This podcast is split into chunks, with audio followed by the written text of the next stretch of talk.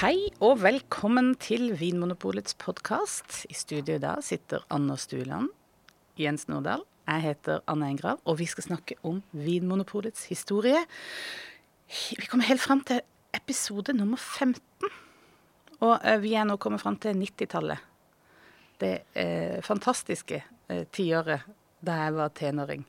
Det er ikke bare du som transformerer deg nedi Kristiansand da, Anne. Det skjer jo også store transformasjoner i det norske samfunnet, og ikke minst med Vinmonopolet, da.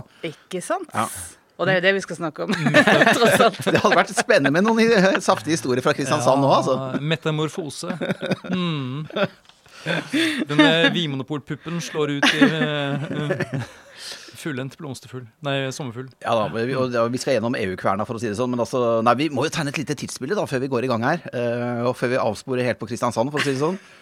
Men altså, vi, vi må jo sende en varm tanke da til eh, kjære Gro Harlem Brundtland. Eller Gro blant alle, ikke sant. Landsmoderen. Hun sitter jo som statsminister fra 1986, og så er det vel et lite, lite, lite drag der i 1989 hvor hun ikke er statsminister. Men så er hun jo tilbake igjen som statsminister da, fra 1990 og helt til 1996. Landsmoderen.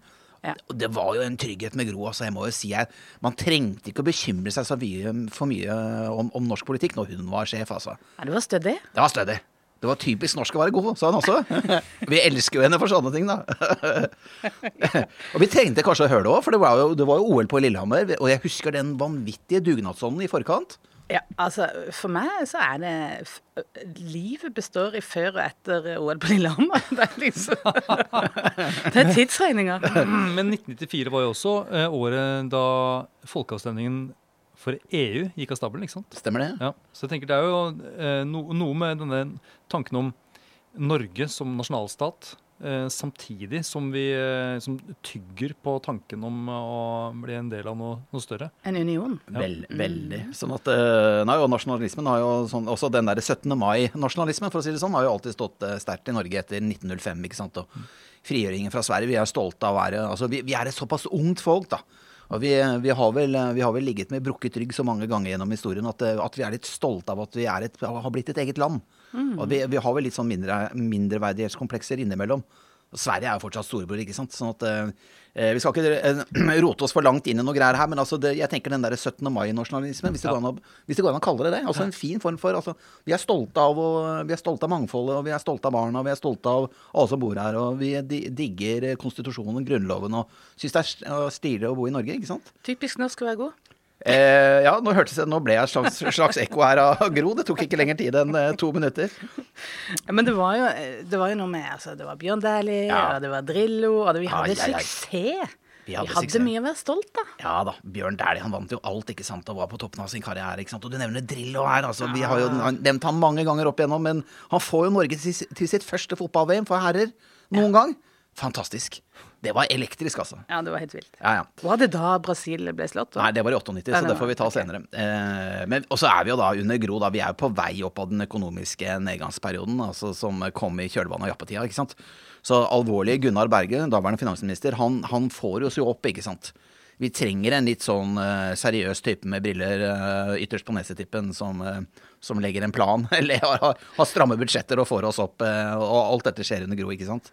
Og internasjonalt, da. Da hadde vi to herlige typer i, eh, i USA og Russland. Som jo hadde på en måte Sovjet hadde jo rakna, ikke sant. Bill Clinton, han er en favoritt, da. Sølvreven. Som alltid, eh, alle som møtte Bill Clinton, eh, fikk følelsen av å være center of the universe, ikke sant. Han var jo en menneskenes eh, mann, han også. Eh, og så hadde vi Boris Jeltsin, da. Han var jo, eh, han var jo en, eh, han var en karismatisk type, type han òg. Virkelig. På sin måte. Ja, ja. Jo, jo. Nei, men dette er 90-tallet, og nå sitter vi her og mimrer. Og så, og så må vi jo huske da at starten av 90-tallet eh, er jo uten internett og e-post, kan vi nesten si. Slutten av 90-tallet er jo internett og, og e-post blitt hverdagsgreie for de fleste, ikke sant. Så det er, så det er jo transformasjonstiår, dette her, altså. Definitivt. Mobiltelefonene kom så vidt mot slutten der, kanskje. Ja. Ja, det var liksom, det er liksom gamle dager. Ja. Som en sånn periode hvor eh, hva skal jeg si, folk i makta eller kjente personer viste seg fram eh, som de personene de egentlig var, gjennom eh, intervjuer i aviser, eh, TV, altså sånne eh, aktualitetsprogrammer og sånt noe. Og så, dette var jo før sosiale medier og Twitter og sånt hvor alt eh, Nå går ting gjennom det. Ja, det var en, Blitt veldig fragmentert. Ja, en periode sånn, periode der vi hadde privatliv, kanskje. Ja, samtidig som man fikk en sånn følelse at det var liksom ordentlige folk eh, rundt omkring sånn som eh, ja, Man hadde liksom litt Fikk nesten litt omtanke for, eh, for Boris Jeltsin for eksempel, og, Ja. og Bill Clinton. Ja, da, de, følte at man kjente dem. Ja. det, at det er mer iscenesatt nå, tenker du da? Eller at det er Ja, Ja, da, de, de viser seg jo med alle, alle sine på en måte menneskelige svakheter og utfordringer, både Clinton og, og Jeltsin, for å si det sånn. De, de, hadde jo, de hadde jo sine de, de, var jo svake for ulike ting, for å si det sånn. vel, vel. Uh, vi har jo uansett kommet oss uh, også, også, også for Vinmonopolet så er jo da starten av 90-tallet ekstremt avgjørende år. Ja. Kan jo nesten si at vi går gjennom en form for eh, ja, Vi må jo nesten bruke begrepet igjen metamorfose, Anne, må vi ikke det? Jeg, synes, jeg liker det. det høres ut som det er noe positivt. Eh, eh, Fordi, men, eh, for det var ikke en krise. Nei, Nei. Jeg, jeg tror kanskje man opplevde det sånn internt. Og så skal vi huske på det at sluttproduktet her blir veldig veldig vakkert, og det skal vi snakke om. Altså, det, er en, det er en vakker sommerfugl. Men det, det har nok og blitt opplevd å være ordentlig blytungt. Og jeg tror at lenge så må man jo ha kjent på en usikkerhet om polet i det hele tatt skulle overleve. Og det å bli prøvet for EUs regelverk. Det var jo mange som nok fryktet at Polet skulle ryke, og mange som sikkert også trodde det. Ja, ja, fordi I forrige episode så snakket vi litt om eh, også opptakten til eh, EØS-søknaden og, og slikt. Ja, Og mer det politiske spillet eh, i Europa, hvor Norge sendte ned dyktige forhandlere og den type ting, og hvor det var på en måte taktikkeri og strategi, da. Mm. Men Vinmonopolet var veldig godt kjent med eh, hva som lå i denne eh, avtalen. Ja, Sånn at de begynte å liksom, jobbe med, med saker og ting eh, ganske raskt, gjorde de ikke det? Jo da, eh, og de skjønte det at eh, de, de, var jo ikke, de var ikke dummere. Altså de hadde jo dyktige folk, eh, både i ledelse selvfølgelig og i administrasjon. Eh, Og man skjønte nok ganske raskt at her var man nødt til å endre på ganske mange vitale, helt sentrale punkter, altså i bedriftens drift og fundament, eh, for å bedrive altså en EU-tilpasning for at man i det hele tatt da skulle kunne overleve som bedrift, statseid bedrift eh, i, i, sin, på en måte, i sin daværende form, eller mest mulig i, i sin daværende form. Eh, og, og at det var en helt nødvendig transformasjonsprosess. For man skjønte det at eh, det, det polet som eksisterte i Norge på slutten av 80-tallet og begynnelsen av 90-tallet, det var ikke forenlig med den EØS-avtalen som Norge da undertegnet med, med EU i eh, 1992. Ja, fordi det ene det er jo at uh, Vinpolet er jo da et monopol. Men det, det er noe med at vi, uh, Vinpolet har da en egenproduksjon av, eh, av, av produkter som selges da i de samme butikkene der det finnes produkter som kommer fra produsenter ute i, i Europa f.eks. Ja, så det, det var vel allerede da avklart at dette, både dette produksjonsmonopolet og eksport, uh, unnskyld, importmonopolet, det, nei, i hvert fall eksportmonopolet, det, det, det hadde røket da, allerede da, liksom, da de begynte å Eh, ja, eh, da, da Vinmonopolets ledelse jobbet veldig intenst med denne EU-tilpasningen, så visste man det at eh, selskapet kom til å bli delt. Det var, det var helt nødvendig, sånn som du sier, Anders. Men eh, ja, hva var det Vinpolet gjorde da for å prøve å liksom tilpasse seg? Ja, det, det var dette med innkjøpsreglementet, da. Helt sentralt. Så dette var noe som Vinmonopolets ledelse tok tak i. Ikke, det kom ikke fra noe sånn storting eller regjering. Dette var et sånn eget initiativ. Liksom smart trekk. Det var, et, det var et smart trekk, helt klart. Og det, her hadde man garantert uh, løpende dialog med, med ledende byråkrater og jurister som representerte Norge i Brussel og alt mulig sånn. Garantert. Eh, men jeg tror ikke dette er nedfelt i noen form for statlig vedtak eller stortingsvedtak eller noe, noe sånt noe. Men jeg er helt sikker på at det har vært en løpende og ganske tett dialog mellom ledelsen i det Sosialdepartementet, som vel på den tiden da var det departementet som Vinmonopolet hørte under, eh, og Vinmonopolets ledelse. Og man har jo her hatt felles sak, for det var jo det var jo sånn at de nordiske landene generelt, altså da både Finland og Sverige og Norge, og alle disse landene de forhandlet jo om EU-medlemskapet parallelt. Eh, Finnene og svenskene vedtok jo EU-medlemskap på 90-tallet, mens vi ikke gjorde det. ikke sant? Eh, alle disse landene ville jo bevare sine respektive monopolordninger, for det er jo alkoholmonopol, som dere eh, vil vite. da. Eh, eh, I både altså Alko i Finland og Systembolaget, som alle jo vet ikke sant, hører til i Sverige. nå. Sånn at eh, de, de nordiske landene ville ikke gi vekk eh, monopolene sine, alkoholmonopolene sine til EU. Så det var, det var en felles nordisk front, da. Det, det var det jo. Eh, eh, og så lå jo også svenskene og finnene litt foran oss i forhandlingene, men man skjønte jo det at skulle man eh, skulle man kunne opprettholde Vinmonopolet i en eller annen form, så måtte man gjøre noe med innkjøpsprosedyrene. Det var helt, helt avgjørende.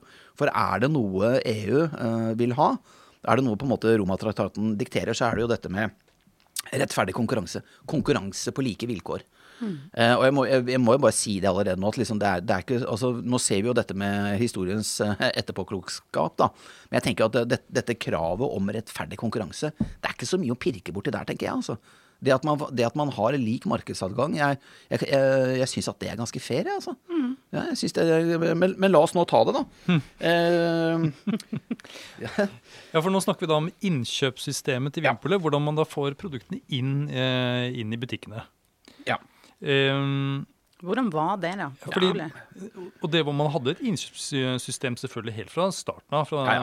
Ja, ja. 1930 så hadde man et, eh, et gammelt innkjøpssystem. ja da. Og så fikk man et nytt et i 1989 som var mer markedsmessig, var det ikke det man kalte det? Jo da, og så var det, noen, det var noen agenter her, uten at jeg husker alle detaljer, men det var noen agenter som fungerte som mellomledd mellom Vinmonopolet og de, og, og de europeiske vinbøndene, som skulle sørge for at det skulle være en uhildet og mest mulig rettferdig konkurranse da òg. Men, men helt sånn optimalt, eller helt knirkefritt, har det nok ikke vært, altså. Nei. Nei.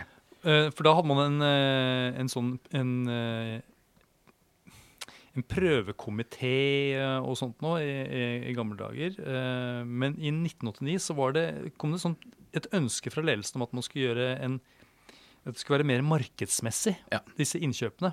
Eh, Man skulle presse pris mer, var det ikke det? Jo, stemmer. Så man skulle liksom pleie mer forhold til noen leverandører, kanskje inngå lengre avtaler. Og, liksom, og være litt mer aggressive når man forhandler pris. Ja. Og det var noe nytt i Vinmonopolet da i 1989. Ja. Forlengelsen av dette, øh, så gjør man jo nye gjennomganger av inn- innkjøpssystemet. Det er akkurat sånn som du sier, Anders. Man ønsker å bli mer forretningsmessig. For, at også sånn på, for nå er vi jo på starten av 90-tallet. ikke sant? 91, 92, 93, 94, no, noe der omkring. For dette er jo prosesser som går over mange år, eller flere år i hvert fall, på starten av 90-tallet. Man er jo enig i Vinmonopolet om at man, de innkjøpssystemene man har, er ikke forretningsmessige nok. Altså Man greier ikke å presse prisen godt nok. Det høres jo litt rart ut når man er et monopol. Eh, kan du si Samtidig så vet jeg i hvert fall at de der agentene, eh, som jo opererte for Vinmonopolet en lang periode, de, de falt jo litt ut etter hvert. Men altså de, bare det å ha det mellomleddet var, for, var fordyrende, ikke sant. Og de, de eh, agentene kunne ha på en måte andre insentiver enn Vinmonopolet. sånn at eh, Nå lurer jeg på om det var en ordning som på en måte falt mer og mer bort eh, allerede på 60- og 70-tallet under Lindemann, faktisk. Hvis ikke jeg husker feil her. Men, eh, men jeg bare vet at det f.eks. Var, en, eh, var en liten sånn bremsekloss som gjorde at i hvert fall de gamle systemene ikke fungerte godt nok. da. Ja. Ja, det fantes vel agenter utover på 80-tallet også, eh, men eh, Ja, ikke sant? eh, nei, jeg bare tenkte at det, det, eh, 1989, da er vi jo altså Einar Joyce, når var det han eh, 87, tror jeg. Ja.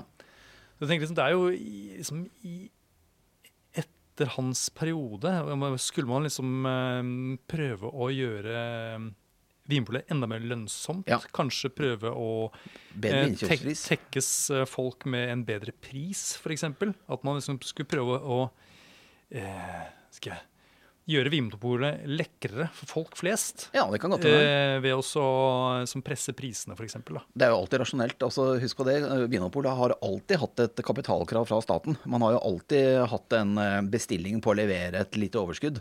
Eh, og Vinmonopolets styre og ledelse har jo aldri noen gang tatt lett på det. Og det skal de selvfølgelig heller aldri gjøre. Det er kjempebra at man har orden på økonomien, så det er klart at man vil jo alltid være interessert i å presse priser. Men det å også da eh, nesten binde seg til enkelte leverandører over lengre tid og, og sånt noe, pleie nær kontakt med noen utvalgte, Ja. det er jo stikk i strid med det som EØS-avtalen ønsket. Ja, og en, en ting var at det gamle innkjøpssystemet ikke var forretningsmessig nok. At man ikke, altså at man ikke fikk gode nok innkjøpspriser. Det andre er jo akkurat sånn som du sier nå, Anders. Det var ikke nøytralt nok, og det var det som var det store problemet. Eh, det var ikke fri konkurranse slik EU ville ha det.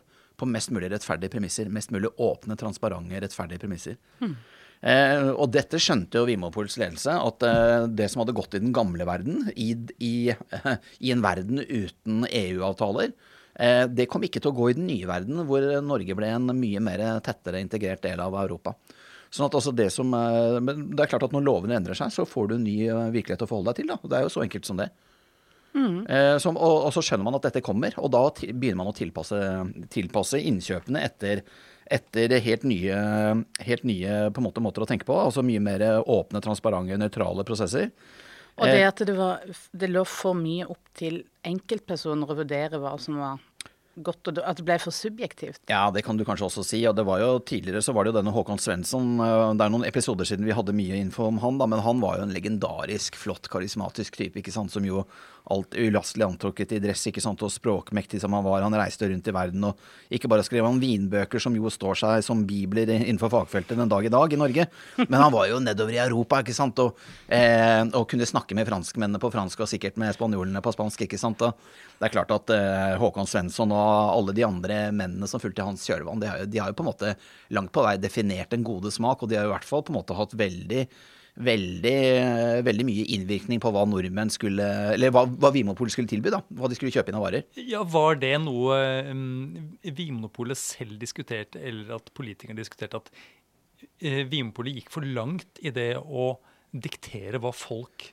skulle drikke? Jeg tror ikke det var et problem. Jeg tror, man, eh, jeg tror det var ganske provinsielt oppi her da. Jeg tror vi drakk lite vin. Jeg tror, ikke, jeg, tror veldig, jeg tror veldig mange i Norge ikke var så veldig opptatt av vin. Tilbake igjen på 30-, 40-, 50-, 60-, 70-tallet, som, som vi nå plutselig har tatt en digresjon Jo, nei, tilbake men jeg til. tenker, jeg, te- jeg tenker seinere. Ja.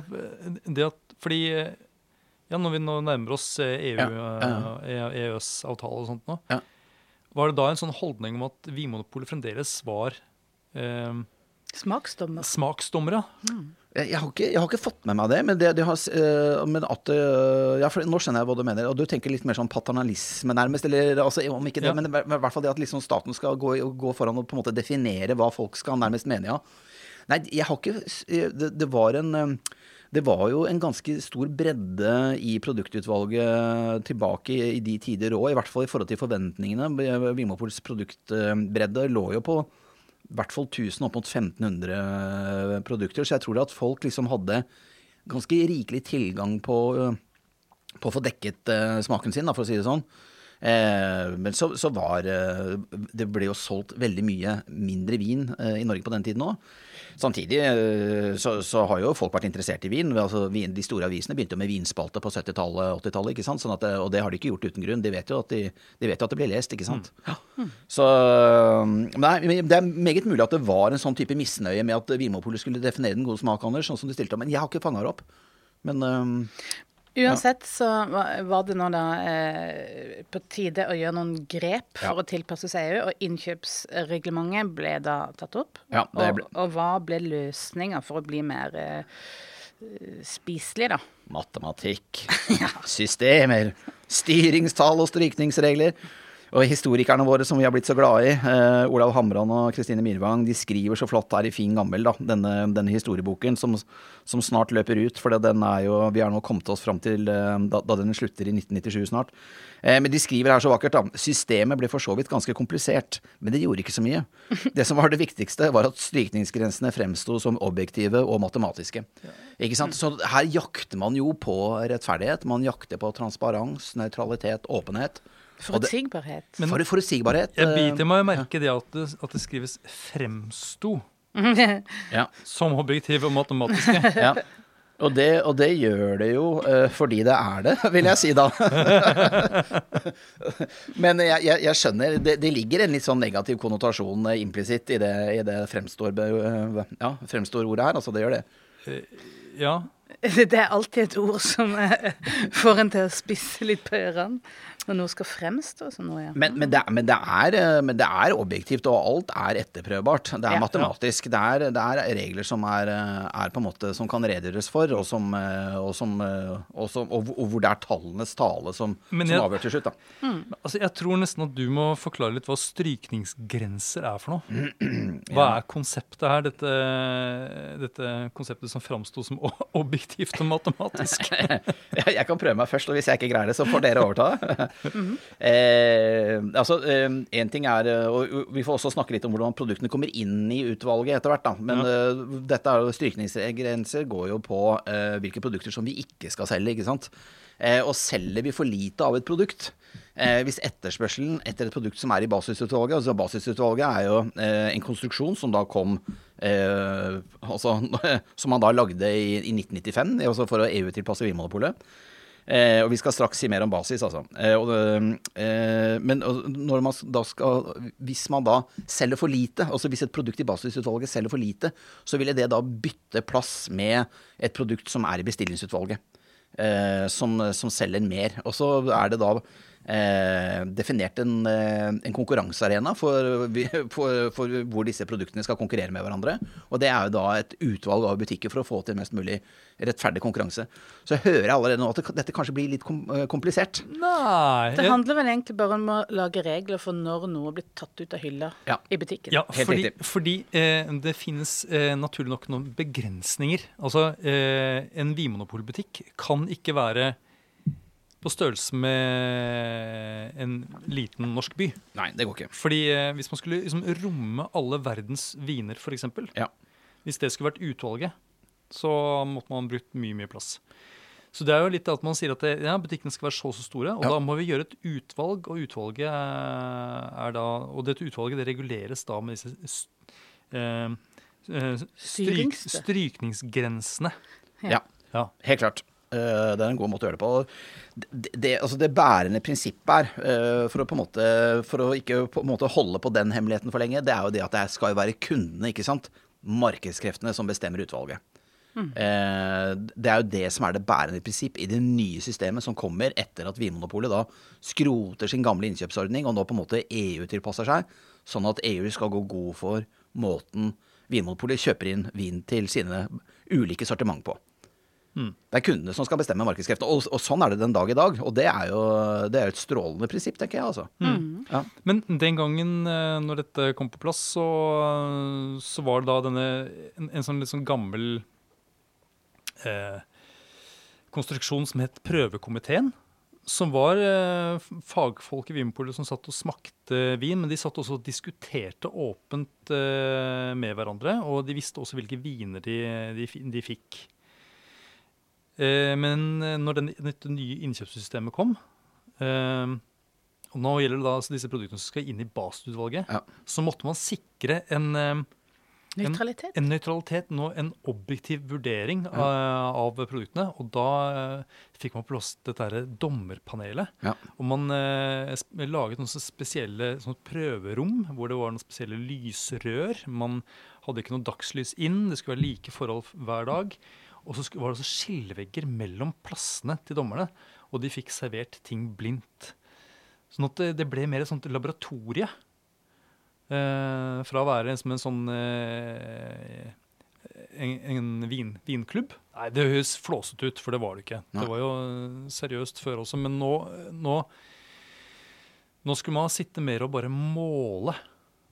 Man var liksom eh, nesten som eh, måleapparater for Vinmonopolet. Og det som er interessant, er at eh, eh, man kom da fram til at det å måle f.eks. Eh, eikepreg, det kunne man eh, gradere nærmest. Men et ord som om vinen var elegant, det var noe som var mye vanskeligere, kom man fram til da når man fikk plass denne dommer, dette dommerpanelet. Mer sånn malende adjektiv skulle man luke vekk, da. Nettopp. Ja.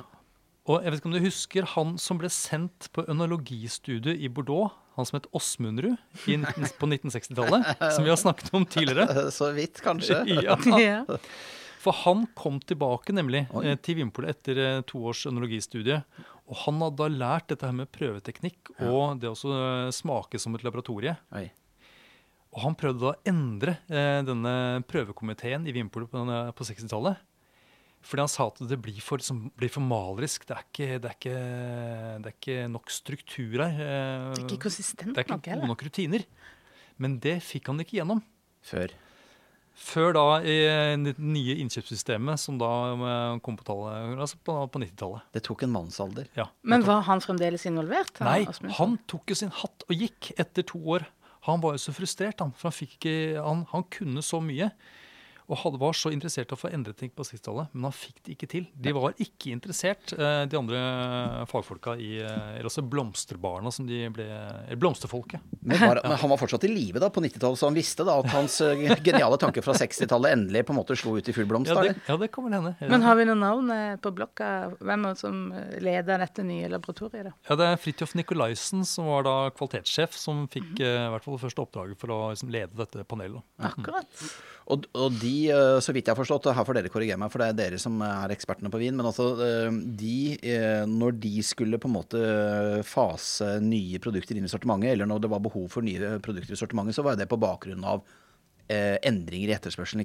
Plutselig så så man at man solgte mer i Åha, eller, eller eh, italiensk, hva det måtte være. ikke sant? Piemonte. ikke sant? Og så tenkte man her, markedet vil ha mye mer av dette, da må vi, da må vi etterspørre nye produkter akkurat innenfor dette området. ja. Og på, på denne runden, Det var sånn det foregikk. Det var sånn det foregikk, og det Ja. var det som kom på plass. Man fikk jo disse produktplanene, Ja. eh, hvor det sto da hva er det Vinpolet er på jakt etter. Og så kunne da leverandørene levere inn tilbudsprøver, Ja. som da blir prøvd av dette prøvepanelet. Ja. Så det er som et anbudssystem, da. Ja. Ja. Og hvor etterspørselen er den drivende kraften. Ja, og da var faktisk Vinmonopolet da hadde et samarbeidsprosjekt med Matforsk på Ås for å få dette dommerpanelet opp og gå, da.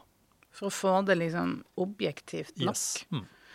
Og, og det at det da er flere personer, at det ikke det er ikke knytta til én eller to ledende stemmer. Mm. At du fordeler det litt utover. Det, det høres jo riktig ut. Er det ganske likt sånn som vi har det i dag? Ja, jeg tenker tenker at det er um, uh, veldig likt. Jeg tenker at Grunnlaget for dagens uh, sensorisk prøveinstans, Mm. som det heter, uh, ble lagt da. Ja. ja, for det er veldig mye av det som skjer i disse årene her, sånn. Eh, 93, 94, 95. Eh, kanskje ratifisert er fra 96. Som eh, Altså hvor, hvor det gamle Vinmonopolet blir gjenfødt. Altså det er en metamorfose. Man får en Man, man blir gjenfødt, altså, rett og slett. Eh, eh, eller oppfunnet på ny. Det er kjempespennende. For det er akkurat sånn som du sier, Anders. Eh, eh, veldig mange av bedriftens egenskaper den dag i dag er meislet ut og eh, altså de er ja, rett og slett meislet ut på 90-tallet. Begynnelsen av 90-tallet. Eh, og veldig mye av strukturene er, er de samme. Så systemet ble liksom fant sin foreløpig, eh, foreløpig siste form da, på 90-tallet. Og det er veldig elegante strukturer. Som vi skal snakke mer om senere. Ja. Mm. Men eh, ja, altså, vi, vi faller jo ned her da på fi, altså, Det blir jo fire sortimenter, ikke sant? Eh, og det er jo et komplekst system, men vi må jo bare ta det gjennom. Altså, allerede nå så har vi jo snakket om bas basissortimentet. Det er jo liksom det store gross av det man finner i de fleste butikkene. Eh, ikke sant? Eh, Det som står i hyllene. det som står i hyllene.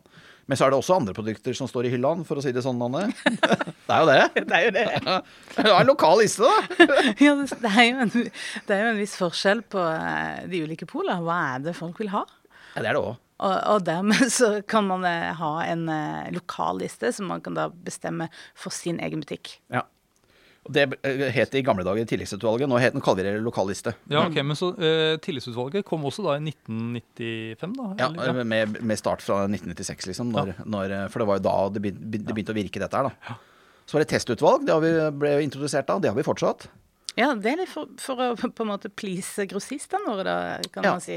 Hvis de har kjempetro på et produkt, og det ikke er en spesifikasjon på det eh, i basis, så får de lov til å teste det ut i et vindu av butikker, eller altså over en periode. Og hvis det, hvis det selger bra, så er det jo inn i basis, da. Og hvis det ikke går så kommer det et nytt produkt eh, og får, får lov til å teste seg. Så det er en sikkerhetsventil. Og så er det BU, da. Eller bestillingsutvalget. Det er røkla, kan man si det sånn? Og det er jo godteposen, ikke sant. Det er jo, eh, det er jo 30 000 produkter der, sånn. Og det er for veldig mange. Der, der, der er det veldig mye spennende. Og det er selvfølgelig veldig mye spennende i basis også. Eh, men det er, det, vi må jo få lov til å skryte av grossistene våre, for det er jo de som, eh, jo de som tar eh, regning og risiko på bestillingsutvalget. Det at vi har denne vanvittige produktbredden eh, på Vinmonopolet eh, den dag i dag, 32 000 produkter, det er antagelig verdensrekord. Vi vet ikke om noen annen eh, annen butikkjede som selger alkoholholdige drikkevarer som har flere produkter i, i, eh, i sortimentet sitt. Eh, vi, eh, vi er veldig stolte av å være del av, et system som kan tilby 32 000 produkter, og vi skal jammen huske på å skryte av grossistene våre når varebredden eh, skal omtales, altså.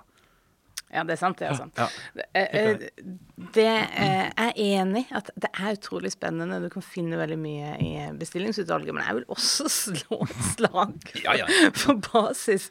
For det har jo vært gjennom en sånn et, et, eh, eh, system, da. Ja, ja, ja. Mellom gjennom mange sluser. Så eh, det er jo en grunn til at ting blir plassert i hyllene.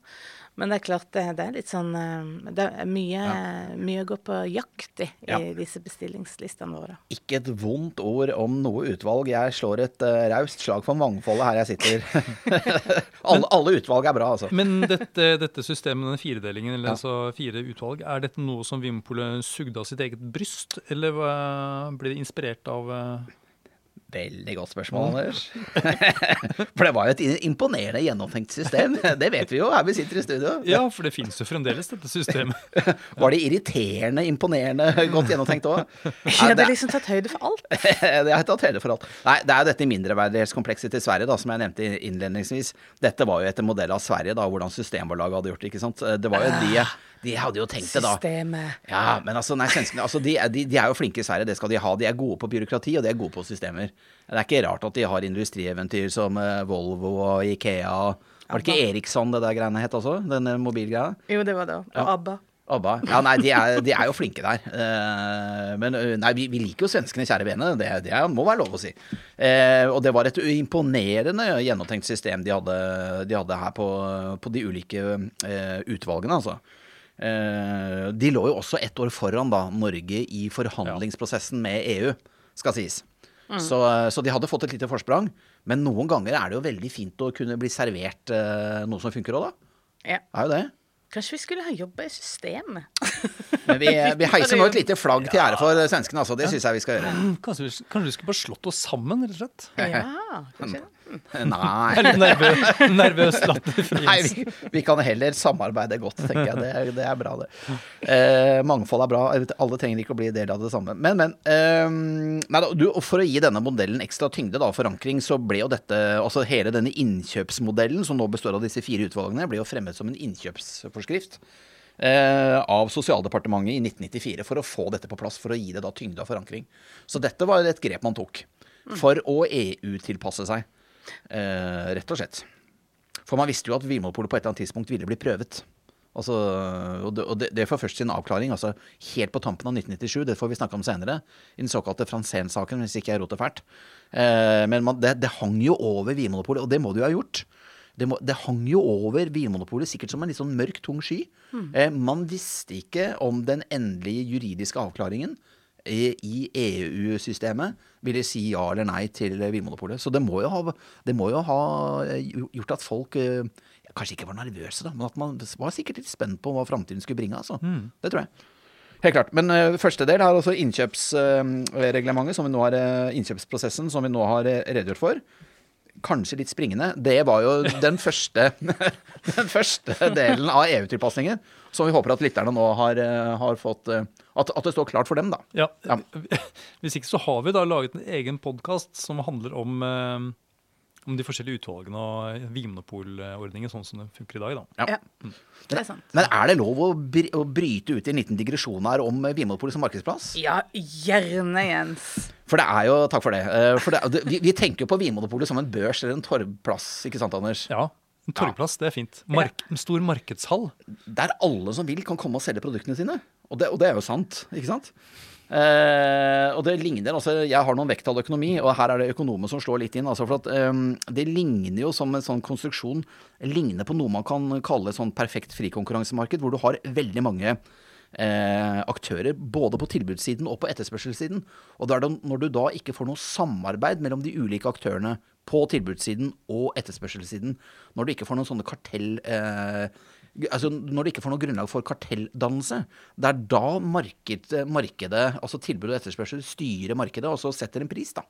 Eh, og, og sånn sett så er sånn, Vinmonopolet, som morsomt nok heter et monopol, men det er jo fordi at vi har et monopol på å selge vin. Men selve markedskonstruksjonen, Vinmonopolet, ligger sånn teoretisk i økonomisk forstand kanskje veldig tett opp mot et eh, perfekt frikonkurransemarked. Og dette er jo vår store, kalle sånn pedagogiske utfordring. Eh, fordi vi heter jo monopol, og hvordan kan noe som heter monopol være et frikonkurransemarked? Men dette er, jo, dette er jo så interessant at faktisk eh, Financial Times den erkebritiske engelske økonomiske avisen den hadde jo en reportasjeserie om de nordiske alkoholmonopolene for en del år siden. Eh, kanskje rundt to, år 2010. Og da var det med stor interesse at de begynte å grave i denne nordiske eh, monopolmodellen. Og så så de det at dette var jo systemer som hadde et vell av produkter på markedet til en ganske rimelig penge. Eh, fordi at eh, verken Alco eller Systembolaget eller Vinmonopolet er noe særlig dyre i drift. Eh, ja, det er et ganske høyt avgiftsnivå eh, på alkohol i Norge, men det er ikke eh, og, det, og, det, er derfor, alko, altså pga. høye alkoholavgifter, at vi får et ganske Eh, at dyr vin i Norge er ganske billig. Eh, unnskyld, at at, billig vin er ganske dyrt. Men eh, det er riktig også, også, som jeg sa i sted, eh, nemlig det at eh, dyr vin faktisk blir ganske billig. Og det er jo effekten av at vinmonopolordningen, både i Norge, Sverige og, og Finland, er ganske billig i drift og legger forholdene da til eh, Altså vi har, vi har, et lavt påslag, men vi legger også forholdene til rette for, for, en konkurranse mellom de ulike aktørene. Det er veldig fort gjort å prise seg ut av markedet. Mm. Det er liksom, La oss si at det er 300 eller 400 Piemonte-rødviner på markedet, med, som alle sammen ligger litt sånn kan minne litt om, eller Alle kan selvfølgelig ikke minne om hverandre, men det er veldig mange som har litt de samme egenskapene.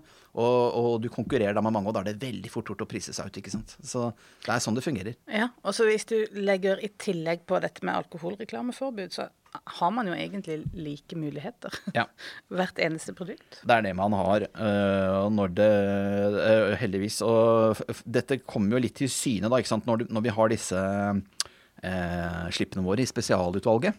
Mm. Og Det er for, for, øvrig kanskje det eneste utvalget som man da ikke hadde laget på denne tiden, ikke sant, i 94. Eh, altså Dette er et type nytt utvalg hvor vi da selger disse helt spesielle vinene, som er i veldig, veldig små opplag i, i, disse utvalgte eh, spesialbutikkene landet rundt. ikke sant? Ja, som Men, egentlig er unntatt dette innkjøpsreglementet, som følger et annet system? Ja, riktig. Det kan ikke jeg redegjøre for i detalj. Men, Nei, det kommer senere. Det, det kommer senere. Om, om, 2005, tror jeg. Ja, og derfor også i, i en senere episode av podkasten. Mm. Kjempespennende. Men altså, vi, vi, vi, har jo alle sammen sett disse køene utenfor Aker Brygge og de andre spesialpolene, hvor folk da ligger i sovepose i vinterkulda eh, i dagevis og noen ganger ukevis før et, uh, tilbuds, eller før et nyhetsslipp.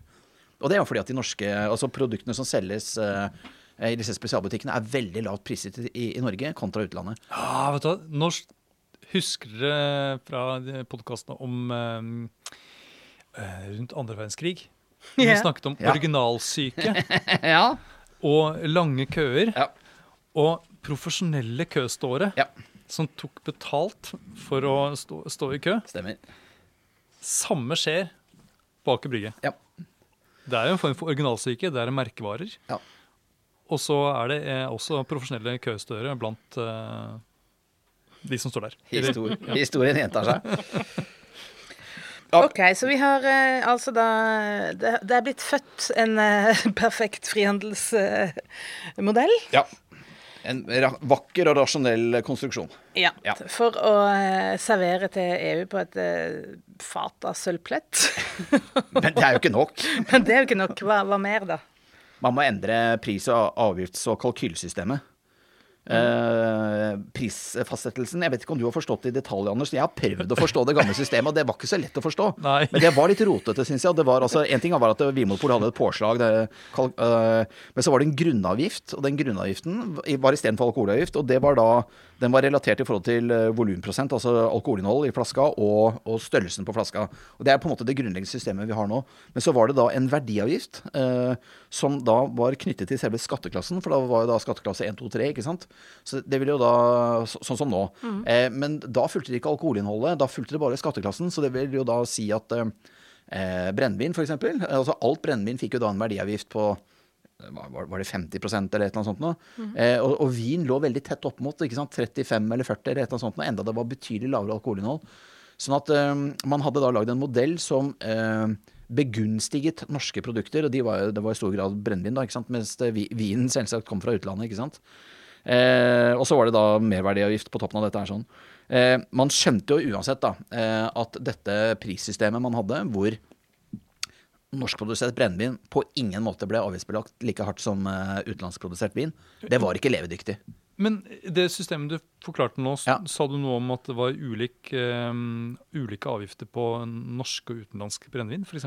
Uh, nei, det sa jeg ikke. Det kan gjerne du si noe om. Nei, for jeg vet, jeg, jeg vet ingenting om det. Bare... Jeg men for det, det, går vel i forhold til denne kanskje verdiavgiften. Altså, jeg, har med et priseksempel for å, som på en måte ja. viser hvordan dette slår ut. da. Ja. For at altså, I forhold til altså, dyr fransk konjakk kontra billig norsk brandy Begge deler er jo da druebrennevin, ikke sant? Ja. Eh, I 1990 så kostet en dyr flaske fransk konjakk vi, vi kan ikke si navnet, da, for at det ville vært alkoholreklame. Men den kostet da 639 kroner. Det er mye penger, altså. Eh, mens den billige norske brandyen kostet 209 kroner. Eh, så eh, skjønte jo da Vinmonopolet og norske myndigheter at de måtte endre på hele avgiftsstrukturen. Eh, og det var jo slik, sånn, sånn, sånn som du sier, at man da avgiftsbela jo utenlandske varer hardere på en eller annen måte. da. Uten at jeg kan redegjøre i detalj hvordan de greide å gjøre det, men, men de gjorde jo det. Men er det denne verdiavgiften Ja, det- som, det som. Som, som skaper denne store ulikheten må ligge i der. utpris til kunden? Ja, helt klart. Det ligger på verdiavgiften uten at jeg kan redegjøre matematisk for hva som Så, skjer. så to, to brennevin som har like høy alkohol, Ja. men fordi eh, innkjøpsprisen er ulik, Ja. så, så på en måte blir forskjellen mye mye større når den skal ut til kunden. Ja. Og, og altså I 1990 så kostet da denne dyre franske konjakken 639 kroner. Denne norske brandingen kostet 209. Eh, den franske var altså da 430 kroner dyrere, eller altså 205% over. Det vil si tre ganger så dyr, da. ikke sant? Eh, I 1994, når man da har endret det norske avgiftssystemet Man endrer ikke alt over natten, man tar en gradvis tilpasning over flere år for at det ikke skal gjøre for vondt i systemene. Eh, så har da prisen på denne dyre franske konjakken gått ned til 396 kroner, altså fra 639. Det er en reduksjon på 243 kroner, eller en prisreduksjon da eh, på, i løpet av fire år på 38% Det er ganske voldsomt. Ja. Det norske produktet har selvsagt ikke gått ned i pris. Det har økt. Det har økt med 19% fra 209 til 248 kroner. Ja. Eh, og eh, da er jo ikke forskjellen så veldig stor i 1994 mellom denne dyre franske konjakken og den billige norske brandyen. Men altså da i 1990, Ja. bare for å skyte inn det, så eh, når vi snakker da om den norske brennevinet, eller altså den norske brandyen, så er jo det da et brennevin som er produsert av Vinmonopolet selv. Det er det det er. Det er hjemmetappet, og det er det Ja. som er hele poenget. Fordi at arbeiderne, og nå er det mulig at jeg avbryter deg her, Anders, men Nei, nei. arbeiderne på Hasle de var jo veldig mot EØS og, og EU-tilpasning. Jeg skjønner jo det. Ja, jeg skjønner jo det, for de ville jo selvfølgelig ha dette konkurransefortrinnet ved at de kunne produsere hjemmetappet, eh, ganske billig norsk brandy, eh, kontra da eh, å, måtte konkurrere med, med veldig høykvalitets eh, konjakkprodukter, ikke sant. Sånn da, og konkurransen blir jo selvsagt veldig mye hardere når denne konjakken av, eh, med høy pris og høy kvalitet jo gikk betydelig ned eh, i utsalgspris. Og det var jo ikke bare norsk brandy som ble produsert og som var billigere, det var jo altså akevitt. Ja, ja. Eh, var jo stort sett norskprodusert også. Vinpolets egen Ja. produksjon. Ja da. Eh, så jeg bare tenker, jeg tenker at når eh, disse, denne verdiavgiften endres, Ja. eh, så må det ha påvirket akevittsalget også, tenker jeg. Ja, det er, det, du, det er veldig interessant. For at akevittsalget, og det har vi snakket om i en annen episode, det, det synker jo hele veien ned til 1994. Ja. Og så øker det fra 94, og vi har jo kobla det mot eh, OL på Lillehammer. ja. Alltid OL på Lillehammer. Nei, men, ja jeg, bare, jeg bare tenker at den derre, eh, denne at man begynner å eh, markere akevitten som en nasjonaldrikk, en, sånn, en del av vår kulturarv og sånt noe. Eh, at det kan handle litt om at eh, konkurransen mm, med det utenlandske brennevinet ble mye sterkere eh, etter at denne verdiavgiften ble endret. Og, og grunnen til at eh, At man, har er nødt, man er nødt til å gjøre noen ting for at akevitten skal overleve. Ja, Norske akevitters venner, for eksempel. Altså, det er en sånn Interesse. Ja, med skråstrek kulturorganisasjon eller noe, som eh, og Den blir oppretta i 1999, så det er jo noen år etterpå. Da, men jeg tenker at, det, at disse tingene kan henge litt sammen. Eh, Og det er veldig interessant, for det har jo vært et mysterium lenge. ikke sant? Hvorfor i all verden faller akevittsalget jevnt og trutt helt fram til 1994? Eh, Og så, og så bikka det da. Og det er helt opplagt at med de prisendringer som man gjør strukturelt da, i prissystemet eh, utover 90-tallet, det er klart at da blir jo norskprodusert akevitt dyrere i forhold til utenlandsprodusert eh, annet, annet brennevin. Så det er, det er helt opplagt at det er grunnen til at man taper markedsandeler utover 90-tallet. Det, det har jeg ikke tenkt på før nå. Så det var veldig oppklarende at du eh, det, Da fikk vi løst det mysteriet her nå, Anders. Takket være deg. Kjempebra. Og så er har det nok vært noe sånn kulturelt her også i forhold til OL på Lillehammer. Vi er stolte av historien vår, vi er stolte av det tradisjonelle. og eh, Lillehammer ligger jo midt i akevittland nå, ikke sant. Innlandet nå, da. Gamle Oppland, ikke sant. Altså, hvor var det man lagde akevitt i Norge da? Jo, det var jo nettopp i de fruktbare jordbruksområdene i gamle Oppland og Hedmark, ikke minst. da. Litt i Trøndelag og Østfold òg, kjære venner. Men det er jo her, da. Det er jo dette som var akevittens eh, høyborg. Ja, og så var det litt sånn eh, Vi begynte å bli stolt av våre egne matvaner. Og Brimi kom og ble mesterkokk med nordisk eh, kjøkken. Og liksom det var noe sånn eh, Ja. Selvbevissthet. Og hva var det Samarancha, da? The best Olympic Winter Games ever! Vi kommer aldri til å glemme det. Vi kommer klart. aldri til å glemme Det det. er klart vi skjønte at akevitten kunne gjøre susen da, vet du. Uff, uff, det må, det må ikke misforstås. Nei da. Eh, men vi må videre, for det handler ikke bare om eh, pris og vareutvalg. Det handlet jo litt om eh, Det var en annen type EU-tilpasning òg. Ja, Ja, det var jo sterkølet. Nettopp. Ja, ja, ja. Man hadde jo lenge Ja. diskutert. Ja, ja. For sterkel ble jo solgt på, i butikk. Det husker jeg. Jeg, var gammel, jeg er så gammel at jeg kan huske at sterkel ble solgt i butikk. Og det var egne ølbutikker òg, husker jeg. Ja, ja, det er ølpol, ja. Det, men det hadde vi lenge. Det husker jeg, jeg husker det svakt at det var ja, i hvert fall en sånn diskusjon rundt dette med om sterkøl skulle inn på Vinpolet. Nettopp, for du hadde ølpol i Kristiansand, du. Er kanskje det du refererer til? Ja, kanskje Øl-Andersen, husker jeg i hvert fall, i, i Kirkegata. Ja, det er interessant. For det er jo et, et fint minne fra 80-tallet og 90-tallet. Ja, det er et fint minne. For jeg, jeg har vel egentlig bare sett et ølpol én gang, og det så jeg i Hareid kommune i 2009. eh, Og det var der fortsatt i 2012, men det er, eh, og det er long gone, altså. Det fins ikke lenger. Ja, ja, Og i Farsund var det ja. ølpol ganske der var jeg og bestilte øl med kamerater, husker jeg. Mm. Interessant. Ja da. De hadde godt utvalg. Ja da. Ja da.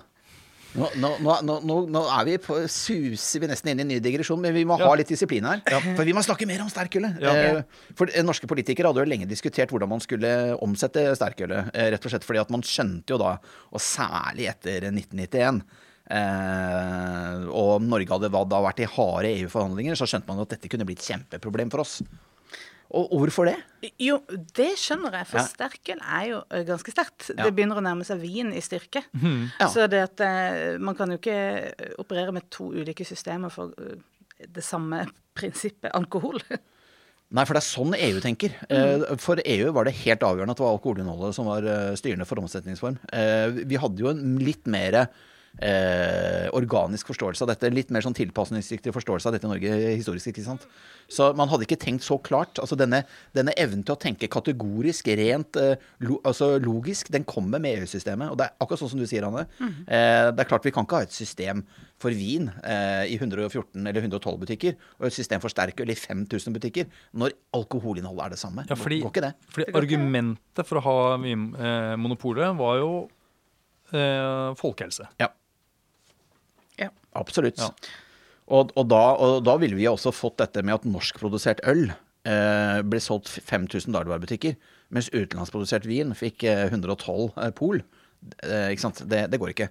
5000 mot 112, det, det er skeivt. Det lukter det proteksjonisme. det Det, lukter det vil ikke EU ha nå. Nei. Og jeg tenker at det, det skal vi søren meg gi EU. Altså, det er bra med eh, det er, det, det, Rettferdighet er vel et greit prinsipp, er det ikke det? da? Uten at vi skal bli for politiske her, men det er vel greit med rettferdighet, er det ikke det? da? Jo, jeg, jeg ser òg på det på den måten, Jens, Ja. men jeg er åpen for at det finnes flere meninger. Ja, det var, det var, var, det var, politisk, det var klokt politisk. Det var veldig bra, veldig bra oppsummert her. Nei, i hvert fall da så uh, dytter man jo da sterkølet over på uh, Vinmonopolet i 1993. Eh, Det er jo selvsagt for å berge eh, Vinmonopolet fra EØS-prosessen som pågår. For man har også endelig ikke fått rettslig prøvd Vinmonopolet endelig i EU-systemet. Men dette er det jo selvfølgelig norske politikere som bestemmer. Det er jo ikke Vinmonopolet som bestemmer dette. Det er du helt rett i. Dette er eh, veldig nyttig presisering. Ja. Og så er det jo kanskje et sånn takk for hjelpen nå, da. Til. Ja, fordi KrF de, de tror jeg også de ønsket en sånn ordning. Ja. At sterkøl skulle inn på polet. De vil alltid ha det restriktivt. Ja, så Og så var det, husker vi da at i eh, denne avstemningen for EU, Ja. mot EØS, I forrige episode, ja. ja, så var det jo KrF som ble tungen på vektskåla. Og de, hvor de kanskje, om ikke lot seg lure, så var, så var de kanskje De var ikke så vanskelig å overtale.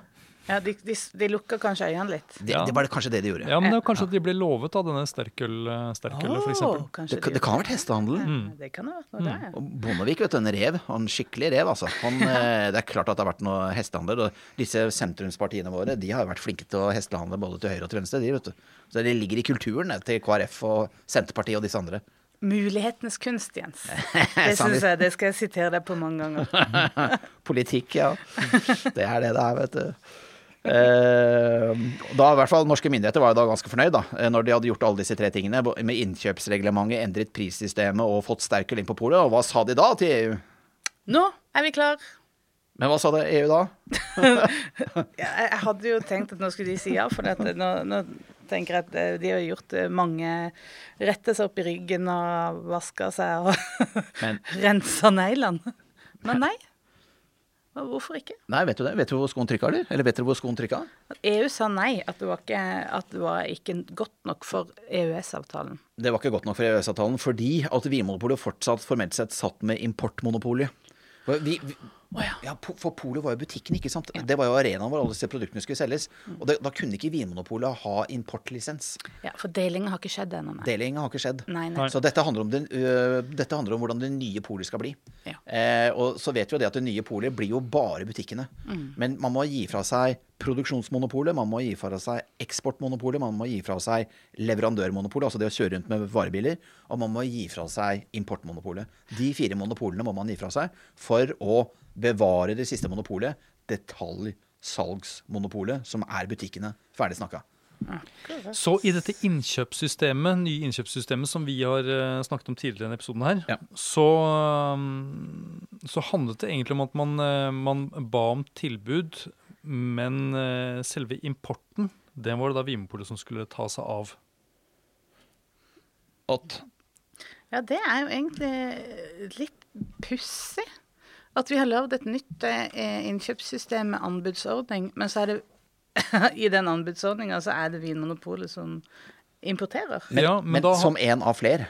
Altså, ja, Ja. ja, ja. Nettopp. Som en av flere. Ja, så. Vinmonopolet selv kunne levere inn sine tilbud til samme Ja, og da være i en, eh, i en blindsmaking og være Ja. det. Mm, det må være det. Men da har det ikke vært noen monopol, selvsagt. Men altså, da må man i hvert fall gi fra seg importmuligheten. Da, for at uh, Vinmonopolet skulle ikke da konkurrere med de andre importørene. Nettopp. Det er vel slik jeg forstår det. Nettopp. Men her eh, fikk vi altså en eh, litt oppstramming fra eh, EU. Ja da, vi gjør det. Eh, og selskapet deles jo da, som vi vet, ikke sant, og med effekt da fra uh, 1.1.1996. Hvordan skjer dette? Går Ja. det, er, det, er det vanskelig å få igjennom, eller?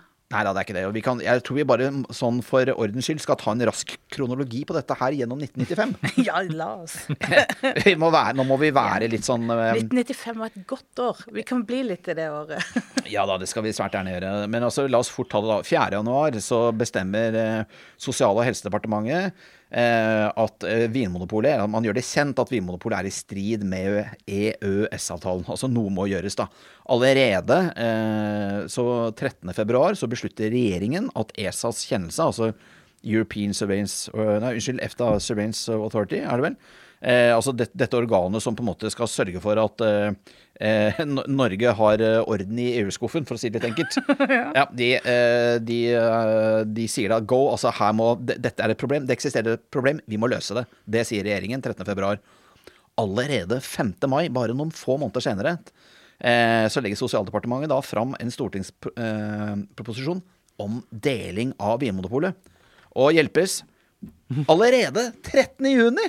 Bare en snau måned etterpå så vedtar Stortinget deling av Vinmonopolet. Så her gikk det fort unna, altså. Ja, Denne løsningen må ha ligget litt oppi dagen, tror jeg. Ja, helt klart. Og man hadde jo gjort godt forarbeid, da. Eh, Kjell Frøysli har jo vært eh, administrerende direktør i Vinmonopolet siden eh, den joviale bergenseren eh, Joyce vinket eh, pent takk for seg. I 1992 var det vel, tror jeg.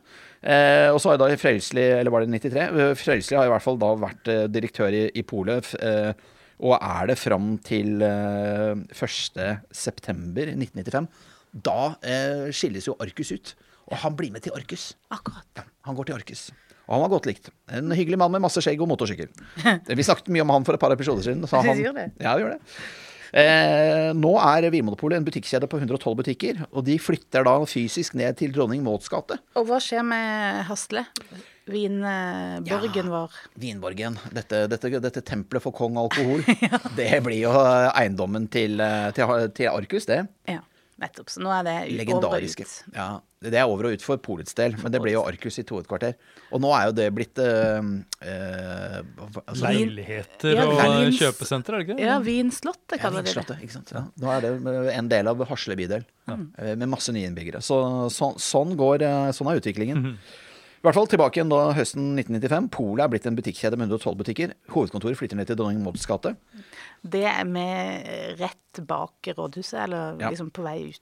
Men ved siden av rådhuset, rett bak eh, Nesoddbotn, altså Aker Brygge. Altså, Ja. Man ser ned på Aker Brygge. Ved foten av Aker Brygge. Da hadde vi tre etasjer, for jeg, jeg ble ansatt der i 1998. Da hadde vi tre etasjer eh, eh, i tredje, fjerde og femte etasje. Og de korridorene der, korridorene der sånn var så lange, de var over 100 meter. Så når du så et menneske liksom i den andre enden, så kunne du ikke se om det var mann eller dame. eller Du kunne ikke, du ante ikke hvem det var. Så langt var det fra den ene enden til den andre. Det var, eh, det var, eh, det var et herlig kontor å jobbe på. Og alle hadde jo cellekontor, ikke sant? Med gardiner som de kunne trekke for. Så man ante ikke om folk var på jobb eller ikke. Og der satt folk og dampa som rakkeren, vet du, for dette var lenge før røykeloven.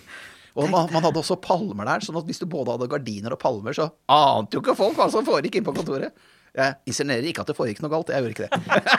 Men dette, nå er det åpent landskap, og det er, verden har forandret seg, altså. Å ja, det er som en Ja, jeg også. evighet sier Jeg var jo Jeg jobba litt eh, Ja. som, som dommer i, i SPI, Ja. som også holdt til der. Ja, ja.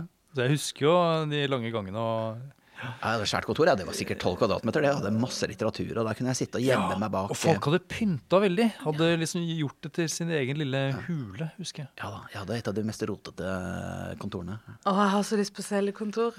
jeg har så lyst til å bare oppleve det. Vel, vel, vi kan sitte her og drømme. Uansett, eh, polet eh, var der, da. Eh, og bare for å kvittere ut det, økonomi- og finansdirektør Jan Batalen overtar som administrerende direktør ut året, altså fra 1.9. og ut 1995.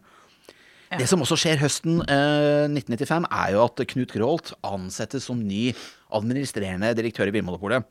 Eh, på samme måte som eh, ansettelsen av Joyce noen år tidligere var på en måte ansett å være et tydelig signal om at den daværende Arbeiderpartiregjeringen Eh, altså Ved ansettelsen av Joyce da ønsket en kursendring av Vinmonopolet, så var det veldig mange som også tolket det at Knut Grøholt eh, ble ansatt som direktør for polet i 1995, og eh, tolket det som et eh, varsel om hva som skulle komme. Jappetida var over, og nå, eh, nå skulle en veldig veldig dyktig byråkrat som kunne systemet fra innsiden, han skulle komme, og så skulle han ta tak i dette ekstreme eh, moderniseringsarbeidet som lå foran dem. For polet var jo veldig veldig upopulært tilbake igjen på midten av 90-tallet. Så Grøholt hadde virkelig en jobb foran seg, altså. Det hadde han. Og vi kommer straks til Grøholt, men uh, mer om han. Men eh, ja, ellers altså vin, Vinbladet til Vinmonopolet vinner en pris som beste kundemagasin høsten 90, 95. Det kan vi jo ta med oss. Voss og Stord for Pol, det kan vi jo fort også nevne. Så, så det skjer jo noen småting her, annet enn EU og avgiftsendringer. Altså, det, det gjør jo det. Eh, Vinmonopolet mister Horeka, altså, altså skjenkemarkedet. Altså, Ja. Horeka står for hotell, restaurant, catering. Eh, før hadde man hatt eh, det som monopol, så det er også en effekt av mm. EU-tilpasningen. Så polet strippes liksom for ganske mange lemmer, kan man si. Ja da. Det, man, eh, man gjør det. Man, eh, det, det, det, kuttes eh, det, det ryddes opp. Hvis man ser for seg en litt sånn rotete hage, så kommer det en gartner og på en måte friserer hekken. Ja, det skal sies. Det var et fint bilde. ja. Så det blir en ordentlig flott eh, sånn eh, bøkehekk som står der til, tilbake igjen. Men det er ikke lenger noe villnis, nei. Det er ikke det. Eh, Så da var det greit, da. Nja, ja, det lå jo noen rettssaker og murret her, da, sånn som vi snakket om i sted. Og det var ikke bare denne Franzén-saken som kanskje var den viktigste, og som også gjaldt Systembolaget, men vi hadde også i Norge Gundersen-saken og Wilhelmsen-saken. Vi skal snakke mer om dem i, i neste episode. Eh, dette er jo rettssaker som, eh, som først finner sin avklaring på tampen av, eller i løpet av 1997. Og Franzén-saken den viktigste så sent som i desember 1997. Men altså, det er jo ikke bare EU som skjer historisk i 1995. Vet dere om noe annet ganske, ganske skjellsettende som, som skjedde da i 95 for Polens del? Anders rister på hodet. Nei. Nå, siden du spør, så handler det kanskje om noe salgstall, da. Gjør det, vet du. For det er ikke bare, det er ikke bare politikken og jussen og paragraffortolkningen som endrer seg, det er jo også marked og etterspørselen. Altså, Norge er jo også en transformasjonsprosess, så kanskje sånn sosiokulturelt og alt mulig sånn, ikke sant? Likestillingen blomster og Så det er jo en stille revolusjon, kan vi nesten si, som skjer blant forbrukerne, altså. Det er jo det. Eh, Norge har jo da tradisjonelt tilhørt, et, uh, tilhørt dette brenn, brennevinsbeltet, ikke sant. Dette øverste beltet på kloden som starter i Russland, går gjennom Skandinavia og til Nord-Amerika. Det er der hvor man tradisjonelt har drukket brennevin, fordi man tradisjonelt har uh, kunnet produsere det der. Man må jo lenger sør på globusen for å, for å kunne dyrke vindruer og lage vin, ikke sant. Eh, så det, det som skjer, er jo at uh, faktisk vin for første gang i historien utgjør en større andel av nordmenns alkoholkonsum enn brennevin. Eh, og det har altså aldri skjedd før enn i 1995. Men var dette noe man var klar over på dette tidspunktet, eller er det du som har eh, avdekka disse bevegelsene? det er hyggelig at du tillegger meg den type egenskaper. Nei, du, dette er jo eh, statistikk fra Statistisk sentralbyrå. Ah, ja. Her har man regnet om eh, varemengden eh, til eh, liter ren alkohol, og så har man delt den på antall innbyggere over 15 år. Og så ser man hvor mye for, Dette er for å ha på en måte et mål på eh, rusmengden, da, eller på en måte alkoholmengden som nordmenn har, har drukket opp igjennom. Og så ser man det at eh, eh, Eh, og det dette betyr, da, hvis man altså, uh, des, altså, Dette er første gang i historien at vin utgjør en større andel av nordmenns alkoholkonsum, målt som liter ren alkohol, uh, for innbyggere over 15 år, enn en brennevin. Det har aldri før skjedd. Og vi, historisk så er vi jo et eh, brennevinsland her. Så det er jo en ganske Det er jo en historisk endring, uh, som jo handler om eh, Jeg vet jo hvor, hva, hva som er årsaken. Ja, det er nok flere årsaker, men kjør på, du. Uh, OL på Lillehammer. det svarer på alt. Mulige, for, mulige forklaringer. Papp, pappvin. Ja, det kan jo kanskje ha noe med saken å gjøre.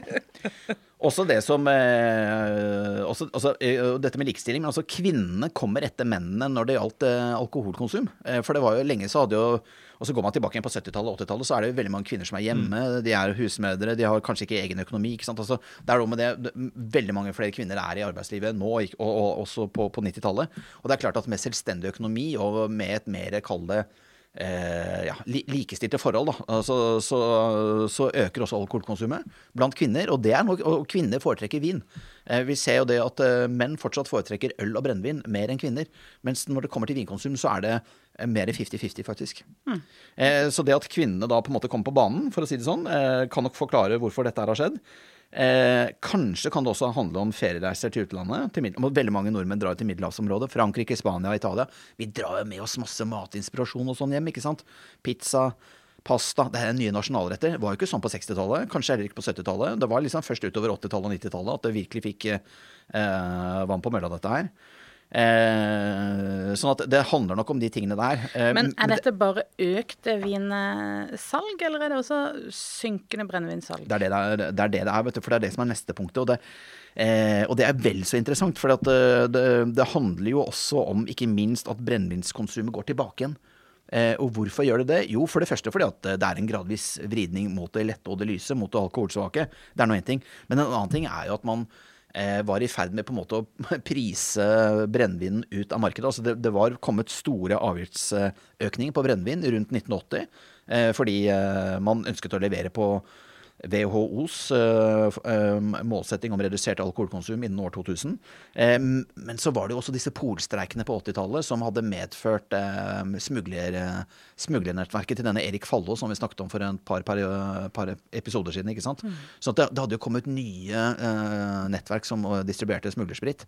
Eh, på, på slutten av 80-tallet og, og begynnelsen av 90-tallet, som jo gjorde at Vinmonopolet fikk en konkurranse man aldri før hadde hatt. Og så var det selvfølgelig fortsatt eh, hjemmebrenning, og ikke minst eh, økende grensehandel og taxfree. Sånn at eh, det var, dette var jo vel så mye et uttrykk for en mislykket alkoholpolitikk på brennevin, da. Og det, og det var det som medførte at det registrerte konsumet av brennevin gikk ned. For det, disse tallene jeg har referert til her nå, det er jo altså det SSB måler, det er det registrerte konsumet, og ikke det uregistrerte. Jeg syns jo det er litt interessant når eh, det, dette her skjer omtrent samtidig med at eh, prisene på dyrere brennevin går ned ganske mye. Men det går jo også litt opp på det norske rimelige, da. Så både det rimelige brennevinet blir litt eh, dyrere, og, og det dyre brennevinet blir litt billigere.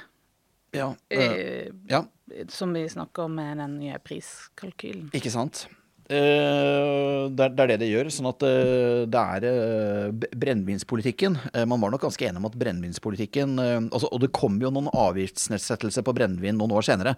Og det, og det er på en måte det beste på en måte skussmålet om at eh, man, man hadde på en måte ført en politikk som var for, var for eh, som folk ikke lenger sluttet opp om. Den, den var ikke effektiv. ikke sant? Den produserte ikke intenderte effekt. For når, eh, når effekten av brennevinspolitikken, eller avgiftspolitikken på brennevin, ble at, eh, at eh, grensehandelen økte, eh, taxfree-en økte, spritsmuglingen økte og hjemmebrenskonsumet økte, ikke sant? Eh, så har ikke eh, politikken eh, den effekten den skal ha. Kanskje så lite som 40 eller 50% av brennevinskonsumet i Norge var solgt gjennom polet. Man var i ferd med å bli irrelevant, ikke sant? Nesten halvparten. Mer enn halvparten. Mer enn halvparten. Gikk uregistrert. Det skal vi snakke mer om i de kommende episodene. Altså. Men, men dette er jo men, Så det er veldig interessante strukturelle ting som, som Ja. skjer på 90-tallet i forhold til nordmenns alkoholkonsum. Men uansett, vin kommer og går forbi brennevin, og har vært der siden. Har vært der siden. Ja, Du har med en sånn spennende graf som bare ser den der pila til vin som bare fjoff, peker rett oppover. Fra 95 så er det som å få en rakett på seg, altså. Ja. Og det er jo Jeg, jeg tenker kun på Samaranch. The decision is stable wine. yes. Men Ja. vi, må, vi, må, vi må snart avslutte. Men vi må Det kommer en ny eh, polpersonlighet inn i bildet, som vi skal nå eh, dvele litt ved fremover. Ja, det er Knut Gruholt, som vi allerede har snakket om. Han er jo en av de mest toneangivende personene i Vinmonopolets historie noensinne.